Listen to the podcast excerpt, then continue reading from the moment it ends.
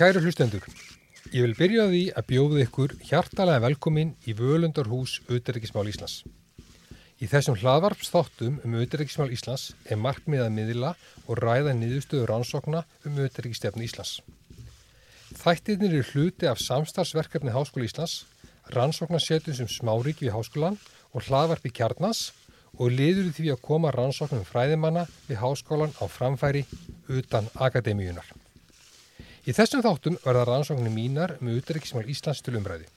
Ég heiti Baldur Þórhaldsson og er profesor í stjórnmálafræði við Háskóla Íslands. Við höfum í fyrir þáttum fjallað um stöðu smáríkja í alþjóðsænfélaginu og samskipti Íslands við nákvæmarlöndin, Norðurlöndin og stórveldin Bandaríkjan og Kína. Einnu höfum við fjallað um þáttöku Íslands í samvinnu Evrópuríkja. Í þessum loka þætti verður rætt um hvernig Ísland tryggir best hagsmunni sína í alþjóðsamfélaginu í framtíðinni. Gestur okkar í völundarhúsin í dag hafa verið óhrætt við að vafra um í völundarhúsi alþjóðamála og varða leiðina með mikilvæg framlægi, í umræðuna um alþjóðamál. Þetta eru þau Halla Hrund Logadóttir, orkumálastjóri og aðjungt við Harvard Háskóla og Björn Bjarnason, fyrirvændi ráþurra og höfundur ítalegra skýrsla um auðaríkismál eins og þáttöku Íslands í Evróska efnaðsvæðinu og nú síðast skýrslu um þróun Norræns samstarfs á sviðu auðaríkis og öryggismála sem unni var á vegu Norðalandarás. Verið velkomin í Völundurhúsið. Takk fyrir. Takk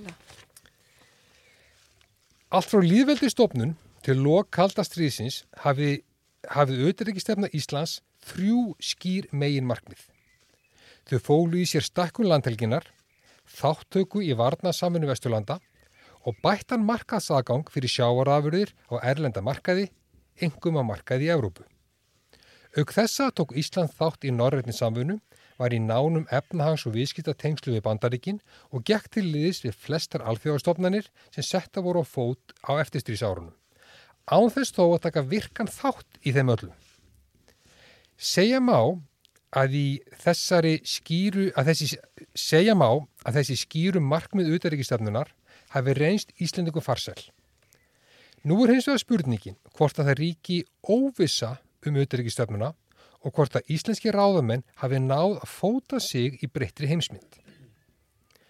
Staða Íslands hefur gjörbreyst og það má jafnvel segja að ráðamönnum hafi gengið erfiðlega að finja nýja bandamenn eftir að þau gömlu hurfa braut eða endur nýja tengslinn við þá gömlu.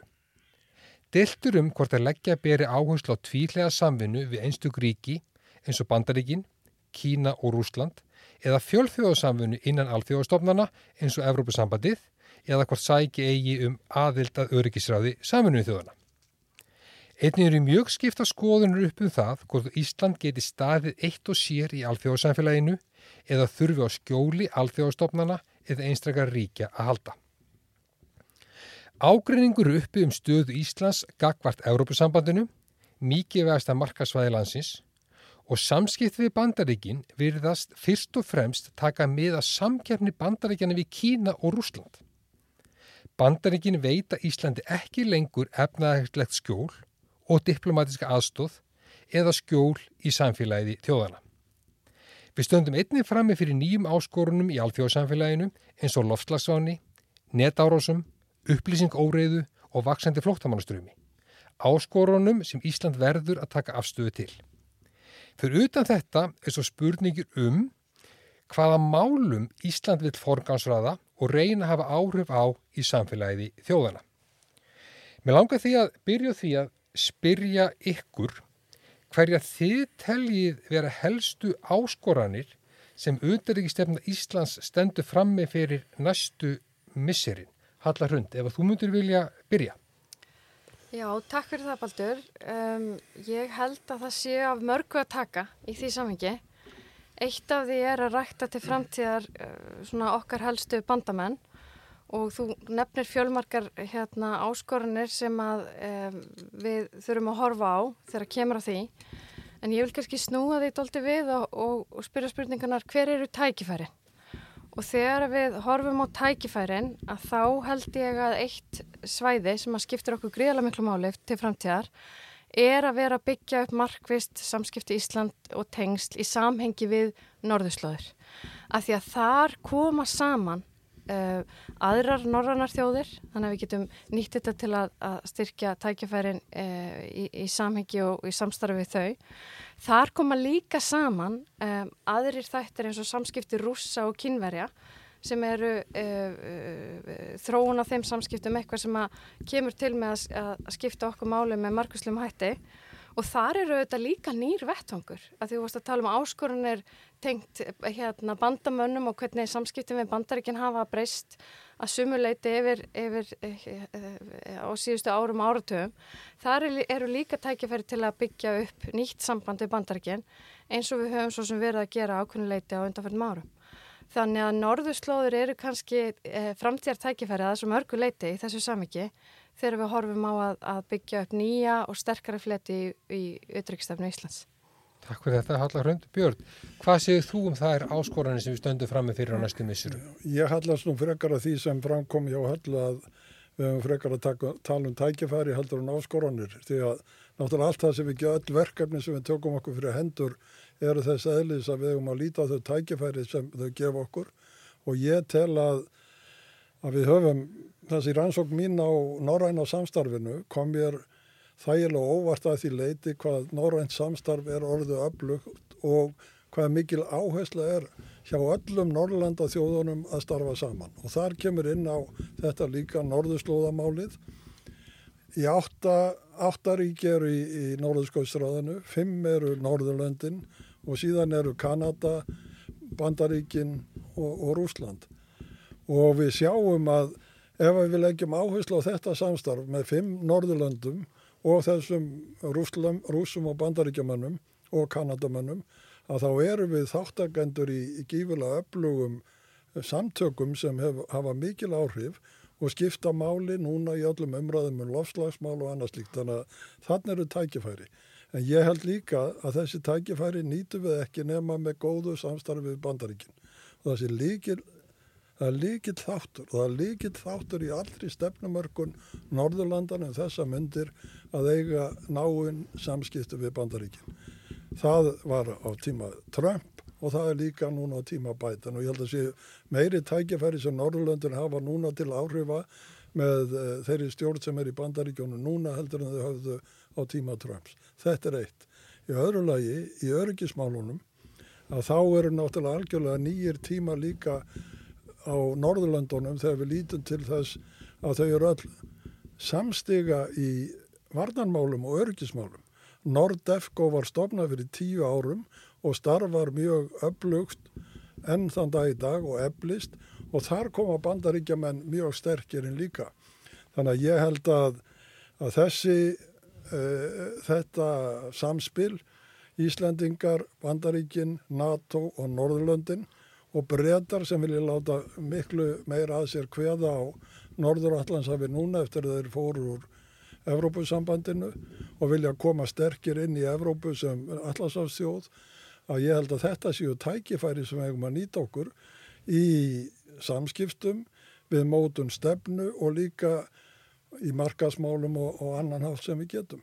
Og ég vil líka taka fram að það kom mér óvart miða við það sem áður var sagt að aðild þryggja Norðurlanda að Evrópusambandinu og tvekja fyrir utan myndi leiða til þess að það erði klopningur innan uh, norðurna samstarfsins. Það hefur alls ekki orðið. Þvert á móti tel ég að þessi þrjú ríki sem er í Evrópusambandinu líta það sem styrk að eiga okkur Íslendinga og normenn að í alls konar samskiptum til þess að koma inn með sjónamið í Evrópusambandi. Þannig að, að aðildin að, að Evrópusambandin hefur orðið til þess að styrkja norrænt samstarfa mínum hattin. Mjög, mjög frólægt, en Hallar Hröndið, þú talar um tækifæri í tengslu við svona aukin áhuga ríkja heimsins á norðum slóðum og norðum heimskautinu. Sérðu þetta einhvern sem tækifæri til þess að ebla tengsl við önnur ríki eða takast á við tiltekin málefni eins og loftlagsvána eða, eða, eða, eða fleira? Ég held að þessi er raunni hverju tvekja því að við erum að horfa á það að norðurslóðsvæði er mjög ríkt á auðlindum og með opnum siglingarleiða að þá koma til með að verða miklu meiri tækifæri á viðskiptasvæðinu og bara meiri umferð á svæðinu og það er eitt af því sem við þurfum að fylgjast vel með og því að við vorum að tala um, um Rúsland og, og Bandaríkin og allt í, í þessum breyta heimi og, og, og svo samskiptum við kynverja að það hvernig rússar til dæmis eru að nýta sínar auðlendir og flytja út e, e, flytja þar út til Kína það er eitthvað sem er að gerast núna í dag.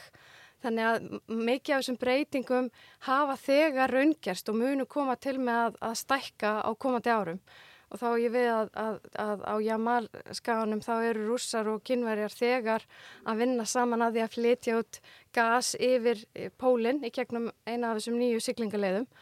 Þannig að, að við þurfum að vera vakandi á þessu sviði og hugsa um tækifærin okkar í víðu samengi. En svo að því ert að tala um sko, einstakka málaflokka að þá er alveg klart að við getum hort til dæmis að þú, að þú nefndir loftlasmálinn, við getum hort og eigum að horfa mjög strakitist inn í þá umræðu, bæði að því að breytingar á loftlasmálum hafa mikil áhrif á norður slóðir og þar á meðal á Ísland og koma til með að hafa miklu meira áhrif hér uh, á komandi árum, þannig að við þurfum að stíga vel inn í þá umræðu alþjóðlega.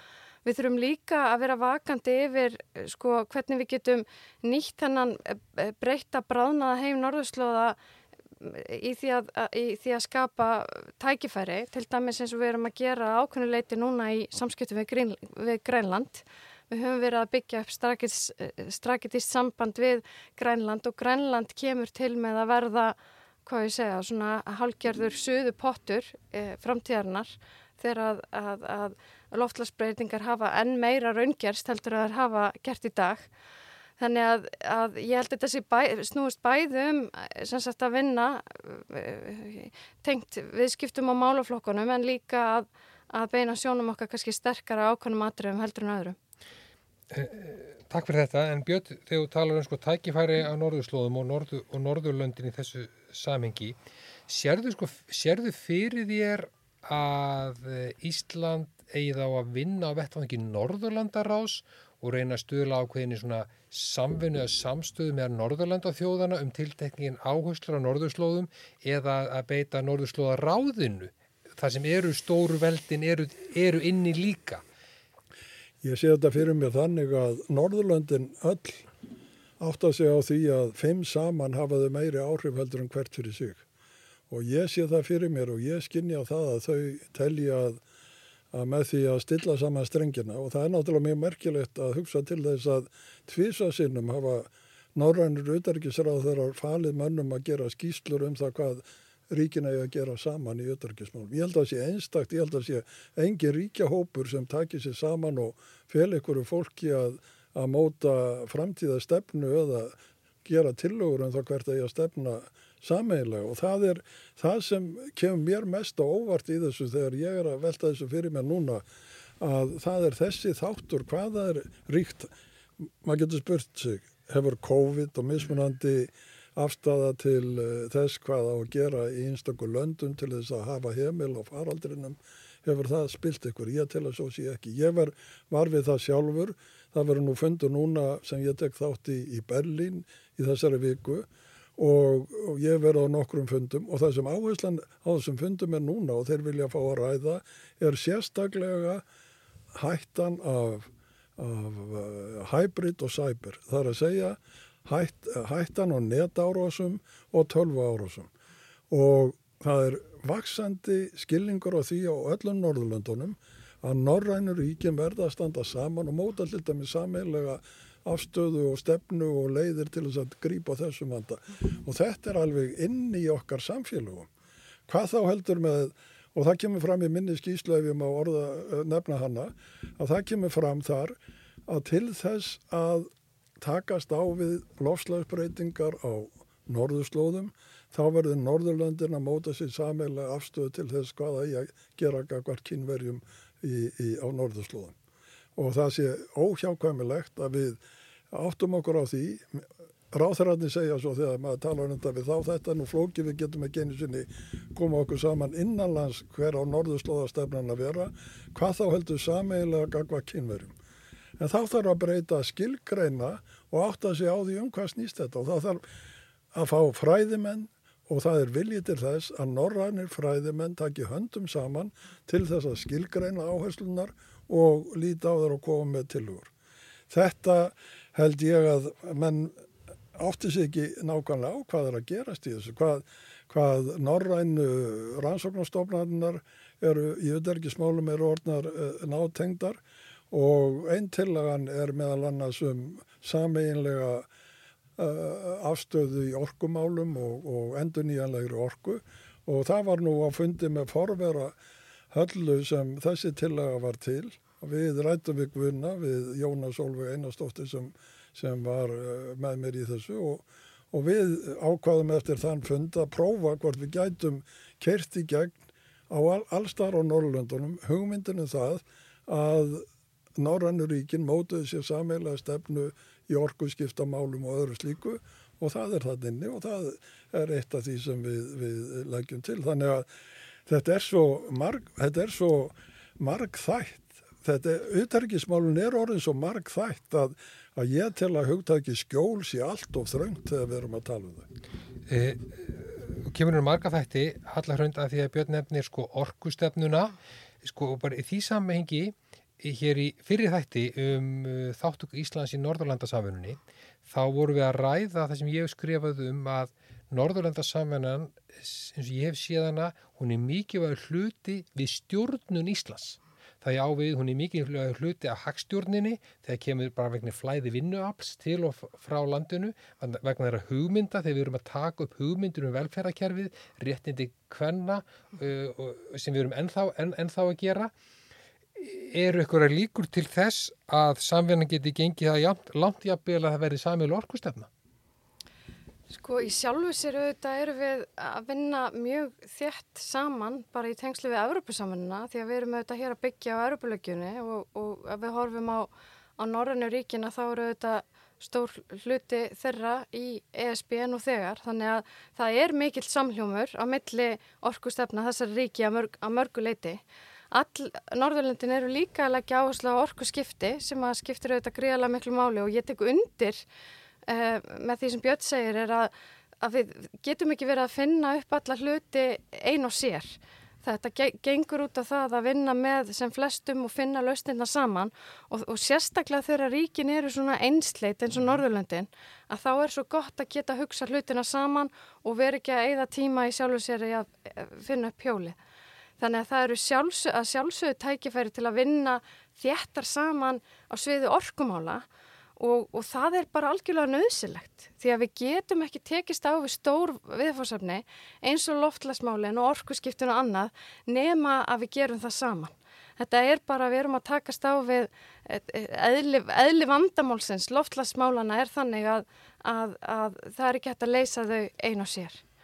Þannig að ég kannski, sko, við kannski komum inn á það á eftir en ég held að, að við þurfum líka Íslendingar að við ætlum að halda áfram, talað um framtíðar tækifæri, að vera leiðandi á sviði orkumála eins og við höfum kannski verið í orkuskiptum hinga til, eins og við fórum, hérna náðum að, að, að nýta öðlindunar okkar eh, á árum áður eða fara í gegnum þessi orkuskipti sem að þegar hafa orðið. Við þurfum líka að horfa núna þegar við erum að sækja fram að klára orkuskiptin því að við byggjum okkar uh, samstarf og, og, og framtíðarmusik svo mikið á þessum árangri. Að við þurfum líka doldið að horfa heim eða klára orkusskiptin heima núna ef, um leið og við erum að, að sækja fram í, í sterkara, sterkara samvinnu sama hvort að það er á sviði uh, eða innan Norðurlandana eða bara í tengslu við bandaríkin eða önnu ríkið sem er auðvitað að leggja gríðarlega áslu á, á orkumál og innviða uppbyggingu og orkuskipti í stærra samengi. En ef við má aðeins koma inn á því að það var svo áhugavert sem þú varst að tala um, um hvernig við þurfum að horfa á, á norður hérna landasamvinna í, í tengslu við, uh, við norðurslóðir og þú spurður upphalega sko hluturk norðurskautsins, er þetta annarkvort norðurskautsamvinna eða, no, eða norransamvinna? Og ég held eins og Björn sagði með orðið skjól, það er akkurat hvoru tveggja og við höfum kannski doldi séð þegar við vorum núna með formennskuna í Norðskvöldsráðinu hvað það eru mörg tækifæri. Ef við erum með stefnu mm. og ef við vinnum saman og ætlum okkur eitthvað að þá getum við náða árangri. Og ég held að árangur sem að náðist eh, núna á þessum COVID-tímum í síðustu formesku Íslands eh, í Norðskvöldsránu hafi verið svo frábært dæmi um hvað við getum gert á, á mörgum sviðum ef við erum með skýra sín. E, svo e, ef við þins vegar förum þá aðeins, tökum við aðeins lengra og uh, við höfum séð það eins og við komum að í upphafi aukin áhugi ríkja bara um allan heim á Íslandi vegna aukins áhuga á norðurslóðum og hugsanlega opnunar siglingarleðarina þar, en meira heldur en orðið er. Og þá komum við á leiti að samkeppni e, stórveldana á norðurslóðum, einhverjum sérlega þá Kína og Bandaríkjana, mm. en rauninni líka er klárlega Rúsland að inni sem er náttúrulega svona staðista norðurslóðaríki með orðaðs sem svo. Er ekki þetta aldrei Ísland alltaf þröngur sniðin stakkur að reyna að hafa áhrif eða styrkja stöðu sína á þessu vettfangi mjög hún bara ekki einfaldi alltaf mótast að rauna samkeppnin þessari risavelda Björn Það hafa nú svo margt sameigilegt þegar að þessu kemur. Ég meina ef að rúsar ætla að auka flutninga um norðausturleiðina ég veit ekki hvað er að 20 miljón tonn núna og fara upp í 80 miljónir ég man ekki hvaða tölur þetta er þetta er gífurleg áhersla hjá rúsum að auka flutninga eftir norðausturleðinni Halla nefndi að þeir flytja núna í austurátt frá Jamalskaganum með sérsmíðum 15 oljuskipum eða gasflutningaskipum yfir til uh, uh, Asíu. Þessi skip koma, geta líka komið hér vestur yfir og farið í Rotterdam eða hvaðu landa. Ef að það á auka þessar siglingar svona mikið þá geta rúsar ekki gert það í einhverju samkeppni við aðra. Þeir verða eiga samvinnu. Og ef það er, er þannig og það er líka verður að líta til þess að rúsar haga sér þannig í, ennþá í, á norðuslóðum að þeir vilja samvinnu, þeir átta sig á því án samvinnu þá náum við ekki þessu markmiðin sem við uh, erum að setja okkur og ef að auðlindir Rúslands eru fyrst og fremst í norðri og þarf að vinna þeir þar og koma þeim þaðan út og þá verða þeir að eiga samvinnu við uh, nágrannaríki sín. Og þeir verða eiga samvinnu við bandaríkin og þeir get ekki staðið fastar, fast á þeim fótum að, að, að bandaríkjaman megi til dæmis ekki sigla með herskipin og barentsaf og allt þetta sem er, er svona spennu vakandi uh, þættir í, í, í þessum samskiptum. Þannig ég held að, að ef að viðskiptum fá að ráða og viðskiptasjónamiðin fá að ráða og þá þá verði samvinna nöysileg. Hins vegar er aðtiklisvert ef að það er að gerast eftir að við afhendur úsum forræði í Norðurskautsráðinu að Medvedev sem er varaformaður örgisráðs, þjóðarörgisráðs Rúslands og Putin líka þeir sögðu við verðum að nota tækifæri til þess að reysa uh, okkur upp hernaðarlega á norðurslóðum að því við höfum svo mikill að hagsmun að gæta að við getum ekki bara litið á vinsluna, við verðum líka litið á varninnar. Hvað ætlar að ganga langt og hvað er að gerast hér og hvað, hvernig erum við að meta hvað, hvað finnst þetta jafnvægi. Það þarf að finna nýtt jafnvægi, það er alveg augljóst, það er eitthvað að gerast í okkar umhverfið þessum við vitum ekki alveg hvað jafnvægi finnst.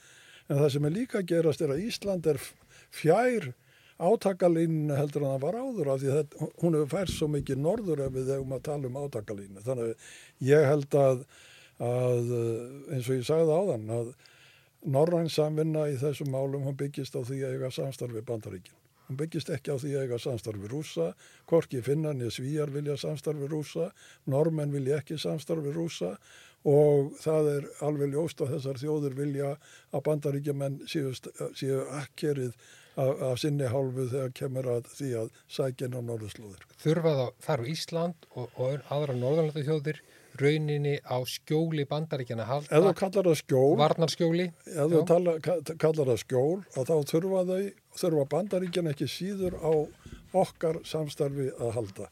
Bandaríkjamenn, þú sér það, þeir eru að sækja núna, þeir hafa haft hér undarfarnar daga fullkomnustu sprengið þóttur sínar til þess að æfa menni að, að, að vera á Norðurallandsafi og eiga samskipti við, við Breitland.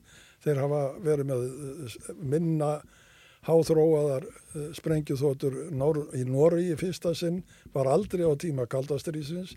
Þeir eru í heræfingum með, með flugheræfingum með svíjum og finnum og það er verið að, að mynda hér alveg nýja stöðu að, að þessu leiti með bandaríska flugverðnum og það er ekki að því að það sé verið að byggja um það, það er að því að bandaríkjaman uh, vita að það, þeir mæta engri andstöðu og þeir þurfa á þessu að halda. Bandaríkjaman þurfa líka á skjóli Norðurlandana að halda þegar að þessu kemur. Bandaríkjaman þurfa á skjóli Grænlands að halda þegar að þessu kemur.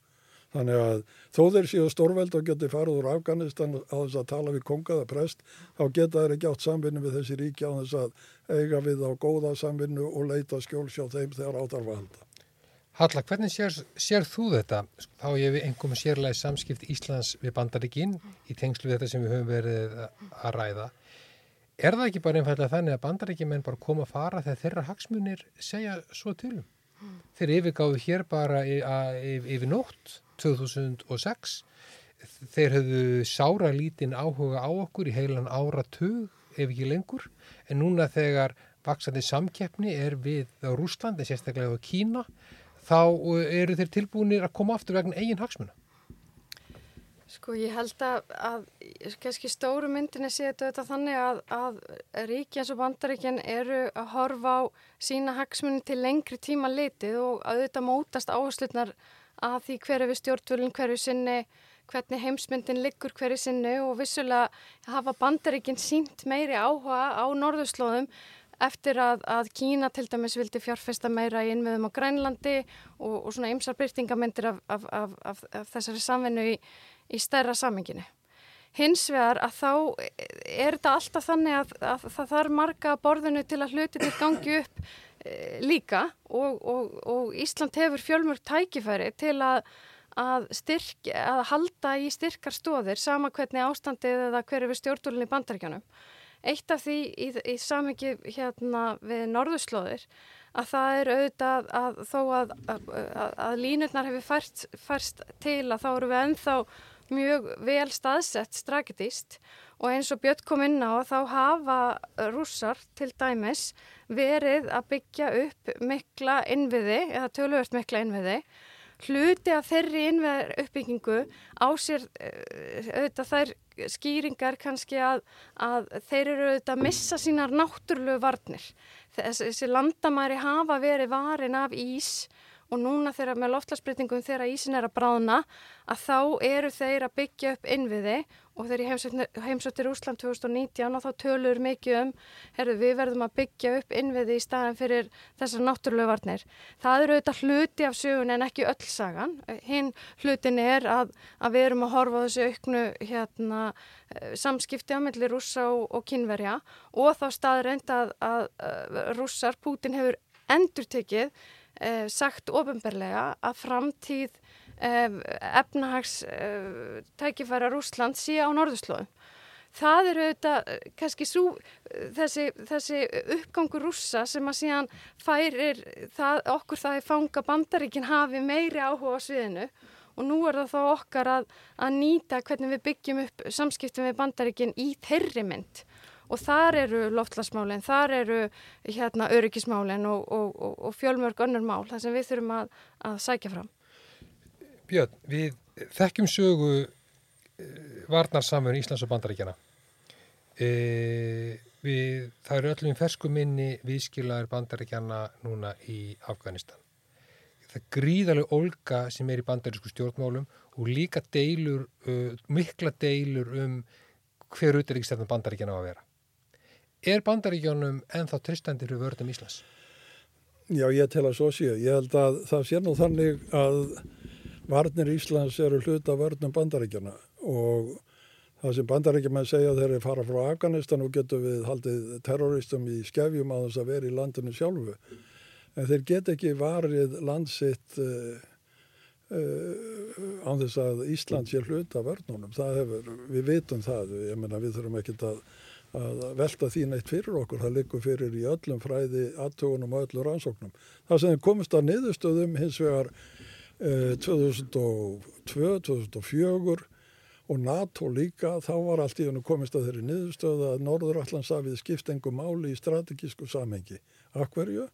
Af því að það líka fyrir skjöl frá bandaríkjamönnum um það þegar þeir fóru hérðan þið þurfum ekki að hafa neinar áhyggjur á rúsum, við erum bandamenn rúsa núna. NATO hefur gett samkominlega við rúsa, við hefum stopnað sérstaklega samstarfsráð við rúsa og við lítum á rúsa sem bandamenn okkar.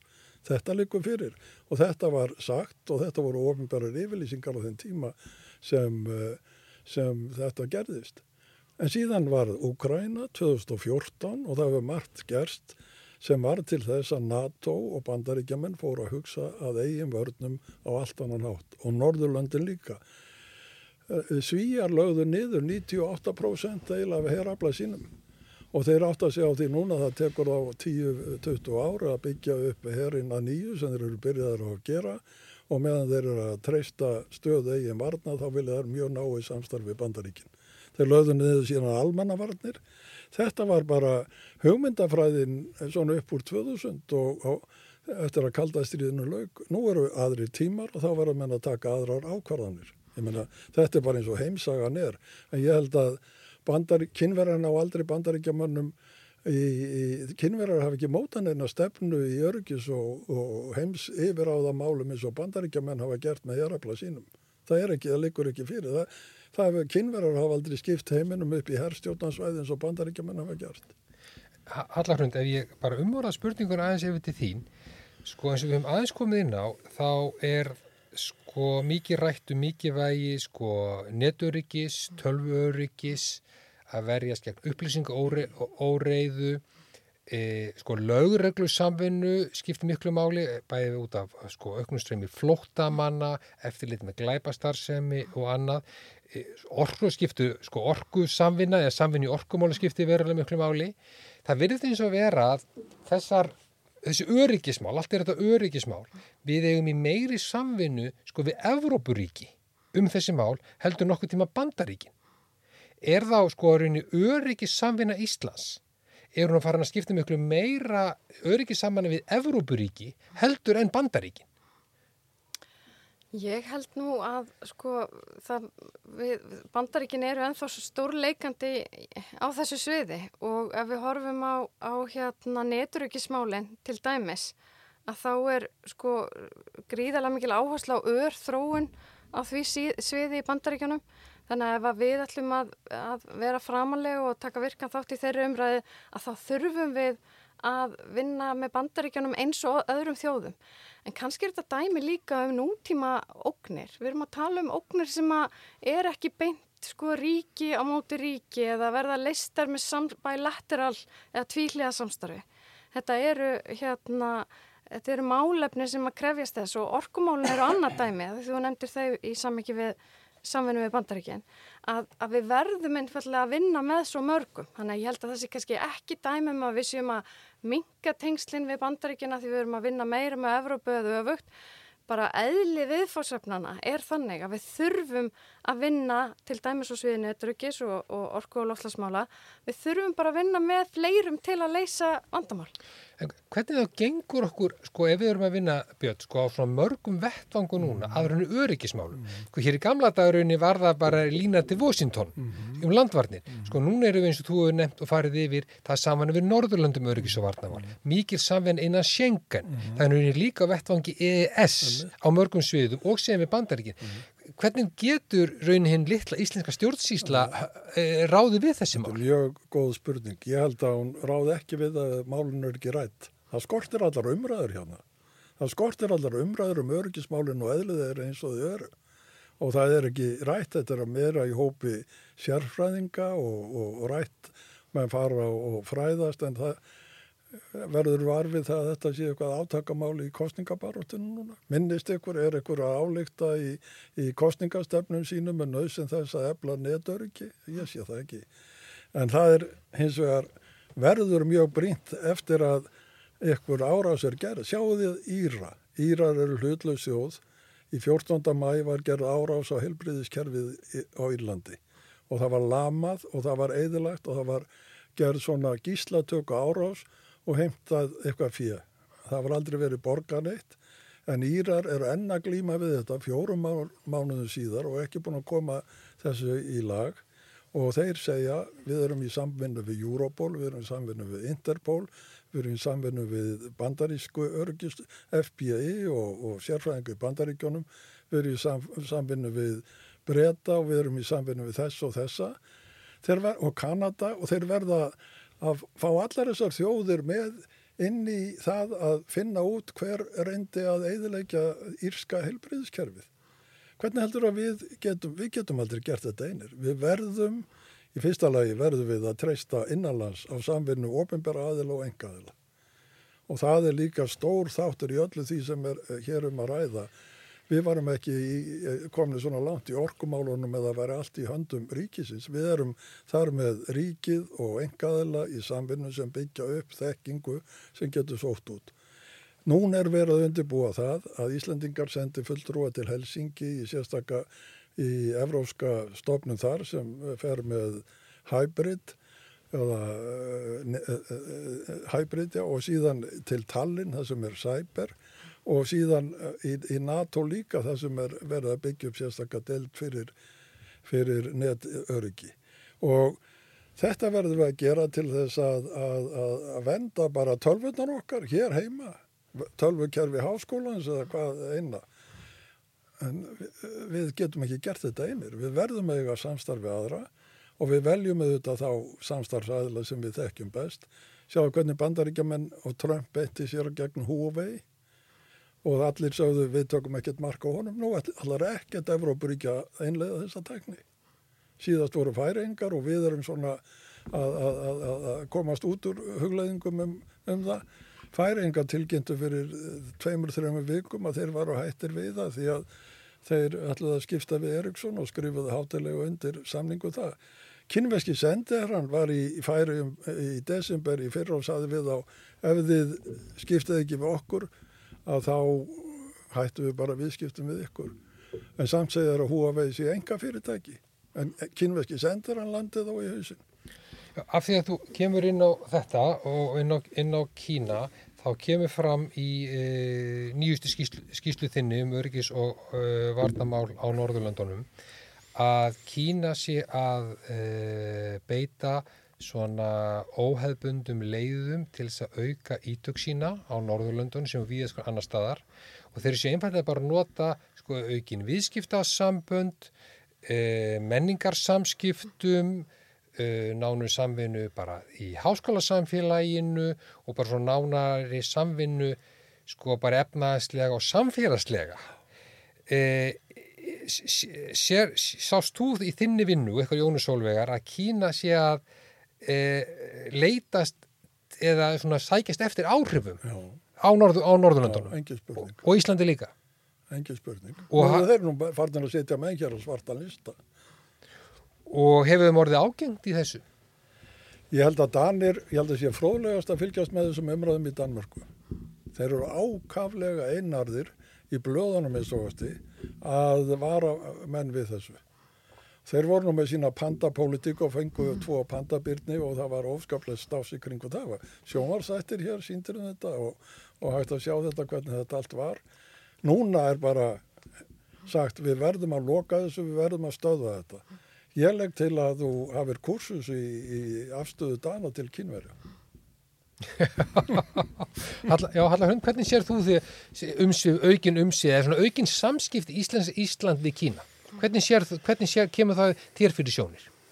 Ég held almennt ef við horfum kannski á stóru myndina varðandi norðslóðunar að þá hafa kynverjar verið að horfa á að að færa sitt One Belt One Road Initiative eða hvernig er sérst, íta út sínum silki vegi uh, áfram uh, þeir, það hefur bara verið hluti af þeirra markvísu stöfnu á norðurslóðum um, og við sjáum byrtingamendina ekki bara í því að vilja byggja eiginlegan infrastruktúr eða eiginlega vegi eða vera í samfunnu um, um innviði heldur líka tengt neturauksmálunum eins og Björn kom inn á tengt diplomasíu, tengt menningu og, og öðru. Og kynverður hafa, sko með eiga það að þeir eru með sterkar langtíma sín og hún skiptir máli auðvitað ef maður er að reyna að hafa áhrif, er að hafa sterkar langtíma sín. En hvernig þetta endur speklast hérna heima, þá held ég að með um, opnu siglingarleiða og meiri samskiptum um, á milli eh, kynverja og norðurlandana á, ymsum sviðum sem ég held að séu óhjákamileg af því að þeir eru bara orðin svo mikið leikir leikandi allstaðar að þá þurfum við að vera strategiski því að hugsa hva, hvernig getur Íslands efnaðslíf nýtt sér þessi tækifæri, hvar eru tækifærin fyrir okkur til að byggja upp samvinnu með árangursríkum hætti fyrir Ísland á, forsend, á okkar fórsendum. Nú, nú hefur orðið ákveðin sko, eða grunda alla stefnubreiting hjá Íslengu stjórnvöldum varðandi sko, stefnunum gagvart Kína eins og við vorum rauninni eins og við sjáum það hér upp í háskólanum, við vorum að rauninni að leita eftir pólitísku efnaðarslegu skjóli strax eftir hrun eh, eins og við komið, eh, komið fram í, í nýri skýslu og við hefum rannskan að setja um smáriki, við byggjum aðstóð, við fáum diplomatísk aðstóð innan allþjóða gjaldir í sjósins, við gerum gjaldmiðlaskipta samning við, við Kína, við gerum frívislunum samning við Kína Núna hins vegar tökum við ekki afstöðu til að taka þátt í belt og braud. Það leikur fyrir frumvarp og þingi um að takmarka umsvig kýmveskra fjarskipta fyrirtækja hér, hér á landi. Raunin stefnubreiting, kannski eins og hjá dönum. En þá veltum maður fyrir sér að maður tekur þetta ef heldar sviði.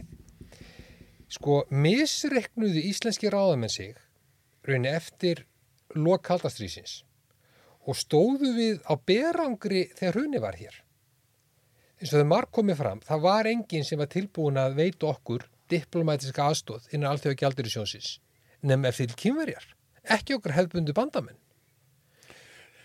Ég veit ekki hvað það er rætt að segja, menn hafi misreiknað sig, misreiknaðum við okkur eitthvað þegar uh, faraldurum byrjaði, menn geta alltaf litið tilbaka en við höfum bjargast út úr öllu þessu, þessu allir þessari, allir þessum hörmungum sem yfir okkur hafa gengið höfum við bjargað okkur og stöndum sterkar eftir. Ef ekki frekar að líta á það heldur en að menn hafi setið fyrir fram og séð eitthvað fyrir að myndi gerast og þess vegna þurfti þetta og hitt að, gerast. Það sem gerðist náttúrulega í hruninu var það að breytar og hollendingar beittu öllum þeir ráðum sem þau höfðu til að koma í veg fyrir að við fengjum einhverja fyrirgræslu til þess að þetta æsef dæmi e, e, þróaðist þeim í vil. Ég menna, meiri síðan Norðurlöndin letu snú upp á handleikin á sér í því máli. Þannig að voru ekki Pólend, pólverjar og, og, og, og færingar sem veit okkur aðstóðans að vera með einhver uh, sérstök markmið. Kynverjar náttúrulega kom inn af því að þeir hafði einhver sérstök markmið. Þetta var 2008, en, en, en 2012 tekur nýr fórseti við í Kína. Xi Jinping og eins og ég sagði 2014 Úkræna breyting. 2012 kemur nýr fórsett í Kína og hann er, að, hann er að reyna að verða annar má og hver vil eiga samstarfið slíka stjórn?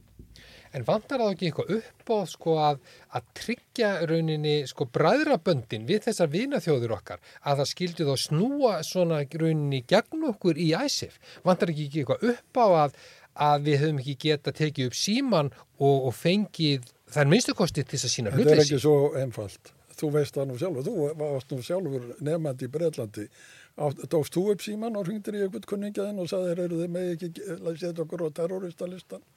Voru, voru skoskir stjórnmálumenn sem sátu í London að gera þetta til þess að, að stöðu eitthvað innanlands hjá sér eða voru þeir að hefna sína okkur. Ég þór ekki að segja um það, það eru teóriur eins og veist um það að, að, að, að þeir hafa verið svo hrættir við að skotar myndu nota þetta eitthvað til í sinni sjálfstæðisbaráttu og þess vegna þýrt að kýla Íslendinga voru við eitthvað albanía í eitthvað. Þetta eru allt getgáttur sem menn geta velt fyrir sér. Ég held að, og ég hef nú spurt félaga mínu um það, álægt, við gengum í gegnum þetta og við áttum okkur á því að við lendum þannig ákveðnum hremmingum En ætlum við, hvað ætlum við að gera? Ætlum við að sitja bara og segja eftir það að þá bara uh, tökum við einhvern pól í hæðina sem tekur ekkert með af okkar landfræðilegu stöðu. Pólitíkin snýst um það að, að snúa svona vandamálum sér í hag og okkur tókst að gera það sem betur fyrr. Hallarund, ef við lendum aftur í álíkra efnaðsleiri lægð eins og við gerum 2008 hver er okkar, hver erðu og væru okkar tryggustu bandamenn í þannig stöðu í dag? Hvert er hringt? Hvert er hringt? Í fyrsta lagi kannski svona nánar að, að hérna hvort að maður hefði átt að gera eitthvað öruvísi eða hvernig, hvort að Ísland hefði átt að gera eitthvað öruvísi síðast og svo framvegs þá held ég að sko almennt saman hvort að það er á krísutímum eða ekki krísutímum og kannski er það lessunni er að, að það skiptir ótrúlega miklu máli að Ísland sé sérstaklega virt í alþjóða samskiptum, sé stöðugt að byggja upp tengingar við leikil aðila því að við sjáum yfirleitt ekki þessa krísur fyrir og, og þegar það gerast þá er gott að hafa byggt upp samskiptin þegar allt leikir lindit þannig að við getum snúið aðstæðum okkar í hag og, og, og tekið upp síman. Þannig að ég myndi eiginlega segja sko, hérna, hvert er í hringt færi eftir því hvert eðli krísunar væri og, og, og, og hvernig við sæjum okkur leikaborðið til að geta snúið okkur út úr því. En, en, en skilabóin væri þá kannski að, að, að ég held að, að diplomasi og auðryggis samvinna að leggja áherslu á hana í þessum rosalega fjölbreytta heimi þar sem að, að vandamálinn og, og, hérna, og tækifærin byggjast svo, svo mikið ekki bara á bilateral samskiptum, tvílega samskiptum heldur á því að margir komið saman, meiri segja ríki og engaðilar og aðrir eins og hefur verið komið hérna inn á.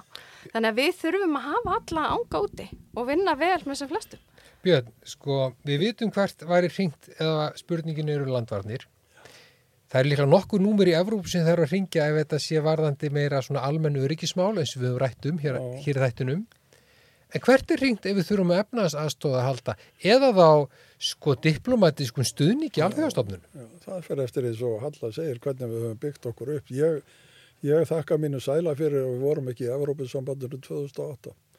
Ég tel að við höfum verið teknir þar bara og settir í skúfu eins og grykkir en við, það var ekki gert við okkur. Við höfðum okkar svigrum til þess að, að gera, það átti nú að taka okkur strax aðna um haustið 2008 þegar eh, fjármannráður að fóra á fundi í, í, í, þarna ECO-fín eða hvað það heitir og Kristján Lagarde, eh, franski formaðurinn í ráþararáðinu og eins og Adni Mattísen hefur sagt sem var fjármannráður að hún kom og síndi okkur mikla velvild og frakkar síndi okkur mikla velvild á þessum örlaga tímum og, og við sildum út og, og, og var, það var líka deltuna um hér áttu við að leita til alþjóða gjaldir í sjósins, það var ákveða ríkistjórninni sem betur fer að leita til alþjóða gjaldir í sjósins og líti okkur aðildirna honum.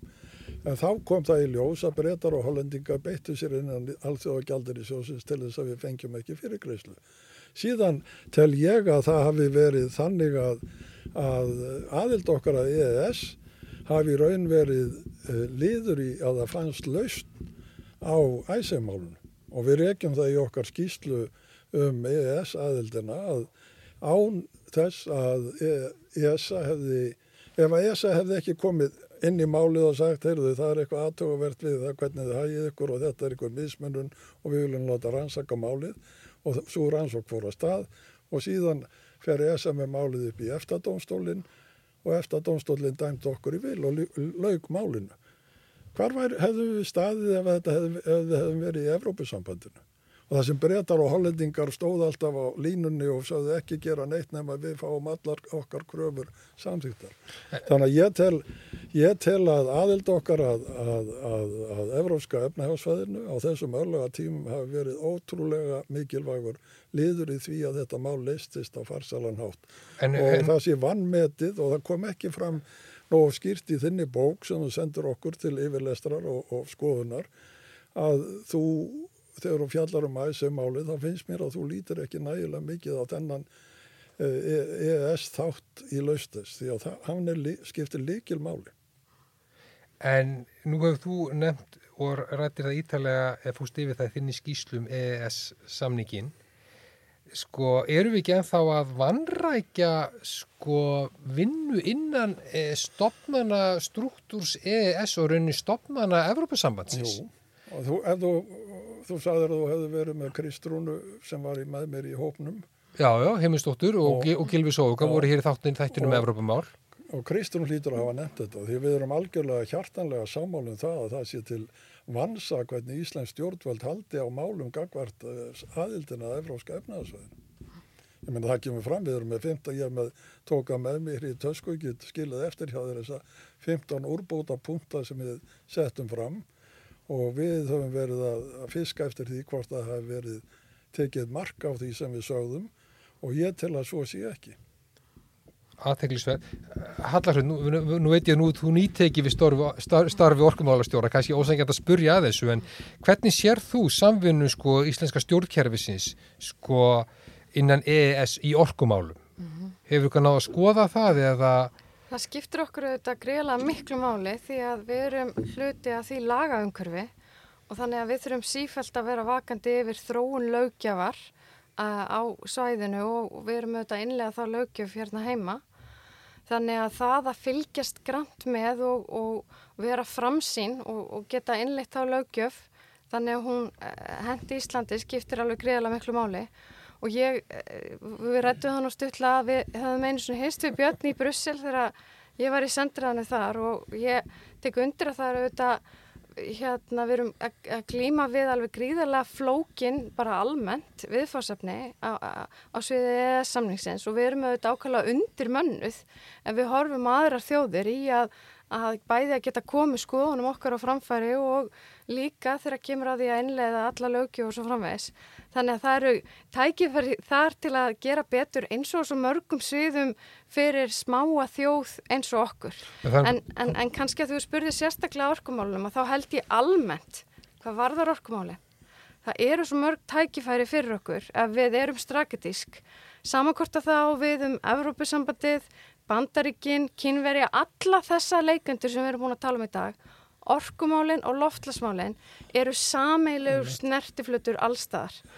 Við höfum náð miklum árangri í orkumálunum, við eigum að nýta það sérstaklega þegar við erum að byggja upp samskipti við þessi ríki, við eigum að nýta það til dæmis að bætinstjórnin hefur sett gríðalan fókus á þessi mál næstu fjör ár þeir ætla ekki bara að, að fókusera á, á hérna, orkumálun og loftlasmálin í sinni utryggispolitík með John Kerry í farabróti heldur er þeir líka að horfa á uh, orkumálin varðandi alla innviða uppbyggingu, varðandi endurist eftir COVID og svo framvegs.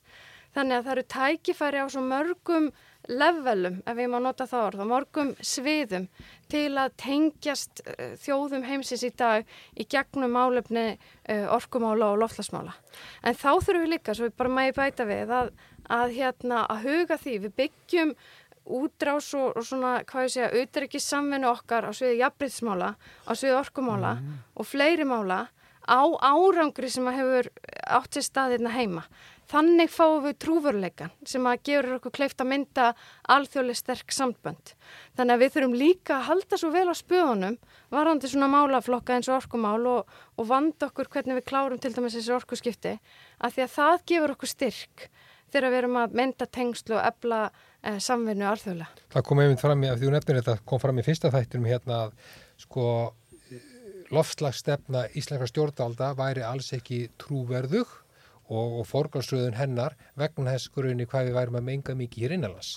Að e, auðrikistefna Íslands, hún verður er að vera trúverðu og mann er þá að fylgja þenni eftir heima fyrir áðun að fara að búa þarna erlendis.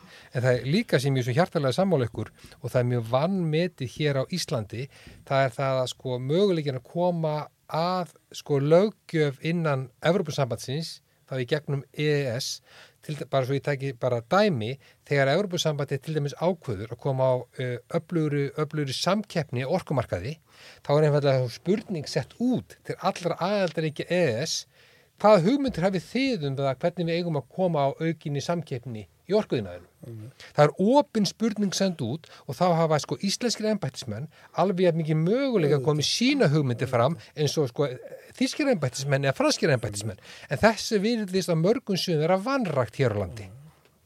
En, ég ætla að, ég, ég menna við vorum að tala um Kína, orkumálinn, það sem Íslendingar að gera í Kína í sambandi við jarðhittan og allt það er náttúrulega alveg bara sér dæmi út af fyrir sig. Við getum talað en um kynveri eins og við gerum hér og þurfum að hafa vara ná en við erum í góðum samskiptum þá í orkumálunum. Ég var að koma frá Genf og rækst þar á blað fyrir tilviljun. Þar stóð að þeir í Genf væri að fara að búa til hittaveitu. Þeir ætlaði að setja þrjá miljardar franka í hittaveitu. Þeir ætlaði að taka sér góðan tíma. Þeir ætlaði ekki að lendi í því sama og og í Strasburg þá sem fólk var svo hrætt út á jarðskjáltum sem urðu þegar þeir fóru að borfa þeir ætlaði að gæta sín en þeir myndu fara í hitavitu framkvæmdir. Síðan var, nýbúin að gefa út skýslu um það hvað mótvægisaðgerðir í, í, í Sviss, af því að mótvægisaðgerðir eru líkil aðgerðir til þess að ná árangri í, í lofslagsmálum. Einn ein mótvægisaðgerðin er samstarfið Carbfix á Íslandi af því þeir segja að það sé svo mikil geymur undir uh, Sviss að það sé að dæla niður endalösu magni af, af kólefni niður í, í, í, í jarvegin. Þetta eru dæmi sem hallar að nefna hér líka. Við höfum mörg tækifæri í þessum efnum sem við eigum að nota. Ólega, það með geta sagt þeim engið svo mikið. Það getur líka byrst á einhverjum ártölum sem henn setja inn í þessa uh, alþjóða samninga sem setja okkur eitthvað á skjön við aðrar þjóðir og svo framvegis og svo framvegis. En við náum ekki árangri hér með því að bara keira á ramaspílum. Við verðum að vera með mótvæðis aðgerðir og orkugeirinn hefur uh, bóðað slíkar mótvæðis aðgerðum um leið og þeir eru að sækja fram á öðru sveitum og þetta er alþjóðlegt viðfansefni, þetta er alþjóðlega skuldbindingar og eftirlistofnun eftir að fylgjast með því hvort við stöndum við þessar skuldbindingar. Ef ég má aðeins bæta við þetta þá held ég mitt sko bara í samingi orkumáluna þegar við erum að hugsa um, um markastækifæri og annað fyrir Ísland. Hversu spennandi er það að horfa á að við getum farið núna að, að, að taka skref þannig við náum að, að klára orkuskiptu annað í ferðarþjónustu og þá farið að marka sér til að Ísland sem áfangast að það sem að þú ert í allt öru umhverfi heldur en að þú ferðast annar staðar, algjörlega græna náfangastað og að því við tölum hérna örstuðt áður en að þátturinn byrjaði um landbúnaðamálinn að matvælaframleysla á líka eftir að vera stort viðfásefni þegar kemur að, að framtíðinni í, í tengslu við loftlagsbreytingar og annað og þar höfum við líka fjölmörg tækifæri með okkar reynu afurðir, reyna vatn, reyna orku og annað Þannig að það eru ymsir hérna fletir sem að tengjast orkumálunum og tengjast ólíkum styrkleikum okkar þar sem að við getum sko, eh, sótt fram með nýjum hætti. Í smáreikjafræðunum og í stjórnmálafræði almennt er oft talað um það sko að e, líti ríki eru viðkvæmari fyrir áföllum þeir þurfa til dæmis sko ofta á hervend starri ríki halda, þeir þurfa á aðgangi að starra markasvæði á að halda, þau geta þurft á diplomatíku stuðningi annara ríki að halda til þess að koma málum, málum, uh, málum uh, í ákveðin farveg innan alþjóðastofnana. Sko er þegar við, við um rætt heilmikið hér um Norðurlandasamfunna og mikið vægi hennar og mikið vægi Evróska efnaðasvæðisins og við höfum rætt það í þessum þáttum En það er hins vegar í sko Norðurlandarsamfunni og í EES, það er enginn sérstök ákvæðum sem lúta því að þessi lönd eiga að koma okkur til aðstóðar ef við erum að lenda í áföllum eða þurfum að aðstóða að halda, hvort sem heitir sér sko efnaðislega áföll eða sko bara diplomatík stuðningi er, erlendis. Er, er vannmat að skoða ekki sko hugsaðlega aðelda Európusambandinu í þessu samingi og verið í samflóti með Európusambandinu? þegar kemur að því að njóta efnaðislegs runni skjóls eins og sem við líti á eða diplomatískra aðstóðar. Björn?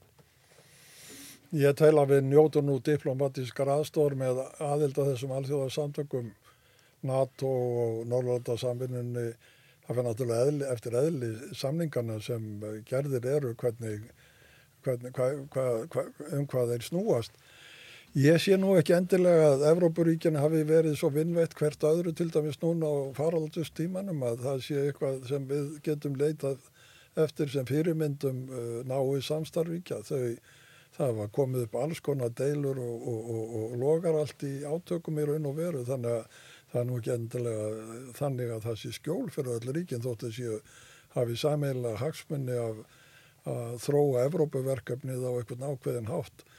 Þannig að ég held að, að það sé kannski draum sín að ímynda sér að við varum betur sett innan Evrópusambansins að þessu leiti. En ég tek undir það sem Halla sagði, við verðum náttúrulega rækta diplomati samstarf og við verðum að hafa umræður um utarikismál hér eins og orkumál og önnum mál á því stíi að það sé trúverðugt gagvart öðrum ríkjum.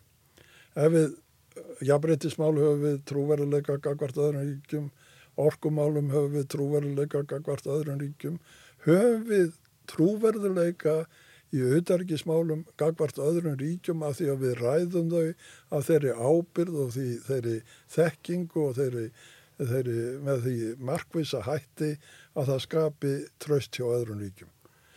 Ég held að svo sé ekki því miður. Ég held að umræðunar hér, eins og ég sagði hérna áðan, sjáu til dæmis kostningabaróttuna. Ef að ég væri erlendu diplomat á Ísland og ætti að fylgjast með því og svara minni höfuborgum það hvaða stefna verður ofan á í öðarkismálum Íslands að kostningulokk, getur ykkur svara því? Það er ekki, það, þetta er spurningum trúverðuleika og trúverðuleikin er ekki endilega í höfuborgum annarlanda heldur það sem, hvernig eru við, hvaða andlit sínum við öðrum þjóðum þannig að við vita hvar við stöndum. Þetta er, þetta er stóra vandamáli finnst mér þegar ég hugsa um þetta og mér finnst þetta að við breyst mjög. Það var miklu meira held ég vitneskja um afstöð Íslands áður heldur en, heldur en í síðari tímum. Miklu meira um ofinberðar heimsóknir, miklu meira og það, það er kalla á ákveðinu undirbúning, það er kalla á svona eitthvað. Þetta er allt einhvern veginn uh, leistu. Halla, eru það, er það miðstök að kanna ekki að hvaða marki, eða bara hvortið að hvaða marki Ísland getur notið efnaðarslegs og diplomatík skjóls með aðaldið Európa-sambandinu? Ég held að í sjálfu sér er Ísland auðvitað í mjög nánum samskiptum við Európa-sambandið og, og, og nýtur, um, hvað ég segja, nýtur þeirra samvinni með margskonar hætti í dag hvort að, að, að aðild myndi færa okkur meira eða ekki er eitthvað sem hefur auðvitað verið í umræðinni lengi en ég held kannski að, að stóra máli sé að við setjum fókus á hvernig við viljum vera að byggja samskiptu uh, við önnu ríki og í því samengi held ég að við horfum á þessar áskorunni sem við erum með í dag að þá þurfum við í rauninni að leita fanga við það. Ég held að að, að við þurfum að vera að horfa á bandaríkinn, við þurfum að vera að horfa á rækta tengslið að Európa þjóður, við þurfum að vera að horfa á norrannu samfunna, við þurfum doldi sem smáþjóð að vera með hérna alla ánga úti og, og, og, og vera með, með hérna, skýra stefnu um að, að við ætlum að halda góðu samstarfi. Síðan höfum við náttúrulega ekki rætt mikið hér í dag. Það eru auðvitað fullt að tækifærum líka sem að tengjast hérna útflutningi og annað í Asju. Það eru auðvitað að maður horfur á markasmál og, og viðskiptu og annað líka eiga eftir að vera hérna ný tækifæri. Þannig að ég held að, að, að framtíðin sé doldi svo að við þurfum að, að hafa skýran fókus en samt sem áður að tegja okkar ánga tölvört við það. En er ekki ákveðin hætta í þessu samengi að sko við dreifum kröftunum og viða? Mm. Væri ekki, geti ekki, væri ekki örugara ef við hefður unni svona, eins og við, eins og við sjáum það sem við höfum skrifað um skjólskenninguna, bara einn örugan, pólitískan, efnaðarslegan og samfélagslega skjólsveitenda, hvort sem hann heitir Bandaríkin eða Evropasambandi. Þá mætti kannski snú spurningunum við að veltaði fyrir okkur hvort við værum þá að setja ekkin og mikið sömu körfuna. Kannski eigum við að horfa á þetta út frá málaflokku kannski hefur að vera að setja ákveðin málaflokka, ákveðin málaflokka í forgrunn og, og vinna síðan samskipti og tengslegar að þjóðir út frá þeim málaflokkum þar sem við höfum sterkan trúveruleika. Það var önnur leið til að nálgast viðfásamni. Björn, eru við að dreifa, við að dreifa kröfturum og viða og njótum ekki rauninni skjólsið á, á þarf að halda? Mm, já, ég er ekki alveg samanlegar með þetta skjól, sko. Ég held að það sé ekki markmið auðvitað stefna að leita skjóli. Ég held að, eins og ég sagði áður, ég held að markmiði sé frekar að leita tækjafærum og nýta sér tækjafæri, laga sig að breytum aðstæðum og þróa þjóðfélagið áfram og stöðu okkar í samfélagið þjóðana með ákveðin grunn uh, sjónamið gildi, réttaríkið, líðræði og, og, og og varnarmálinn, örug og, og markmið samkvæmt alþjóðarsamlingum að vinna því. Ég held að það sé nú aðalatrið spurningur um skjól og það verður bara að taka á þeim málum í hverju tilviki fyrir sig og átta sig á því. Ég held að kynverðar hafi verið að gera þetta með svona ákveðin strategísk sjónami sín í huga og það kom okkur vel en þó reyndir nú aldrei neitt á það verulega þannig að það skapaði okkur kannski ykkur að stöðu en uh, þú mæst eftir að rússar ætluðu líka lána eitthvað það var bara frá klukkan 8 morgun fram að hátegi þá var það á sögunni. Og, og það er eitthvað svona spil sem kom alltaf upp en í grunninn að þá held ég að við höfum silt þetta rétt þegar við fórum inn í allþjóða gældirísjóðin þegar við gerðum þessa samninga. Vandin var æsef og þar átt að nota okkur til þess að að ná ykkur fram sem var ósangjant og það tókst að afstýra því. Þá tók þjóðin ákverðin. Varðandi Evrópusambandið að þá var alveg klárt að það leikur núna alveg fyrir að það verður ekkit gert meira gangvart Evrópusambandin í tvíliða samskiptum okkar við það með aðild nema að veri fyrst samþýtt í þjóðratkvæðgreyslu og við þurfum að taka þá umræðu þá á heimavelli, við þurfum að breyta stjórnanskránu, við þurfum að gera marga hluti og ég held að það sé eitt af því sem ég var að segja á þann til að við séum trúverðu í svona málum að þá verðum við að undirbúa það heima þannig að við séum ekki búin að reysa að uh, varnargarða heima fyrir sem við förum ekki yfir heldur öllum bara að fara einhvern veginn í kringum en eigum samt eftir að komast yfir. Við höfum ekki tekið þessa umræðu, hún, hún rann út í sandin 2011 og hefur ekkert verið í tíu ára á dagskrá fyrir kannski núna eitthvað fyrir þessar kostningar en það er allt í einhverju skötu líki. Ef ekki láta þetta verða loka orðin í dag? Og þá er rauninu komið að ekki bara lokun þáttarins í dag heldur þessara þáttaraðar um völundarhús Uteríkismál Íslands. Og ég er þakkað þeim Höllur Hrundlógadóttur og Byrni Bjarnastinni kærlega fyrir að vísa okkur veginn í völundarhúsinu inn í framtíðina. Og það er von mín að þessi þættir hafi varða veginn og varpa á ljósi á tiltekna þætti Uteríkisstefnunar, samskipti við bandaríkin, Norðurlandarsamfununa, þáttöku Íslands í samvinnu Evrópuríkja og sambandi við Kína og nú síðast hvernig best er að haga Uteríkisstefnunni í framtíðinni með ákalli hér um aukna umræðu í samfélaginu, samfélaginu um samskiptin við þjóðir heimsins. Því að ég held að raunni aukin umræða um utryggsmál getur engungu verið af hinnu góða og forsendrar, góðrar og skýra stefnumótunar í utryggismálum er umræða hér innanlands. Og ég vona að lífleg skoðanaskipti byggð á fræðilegum grunni í þessum þáttum hjálpi til. Við þökkum þeim sem hlýtum.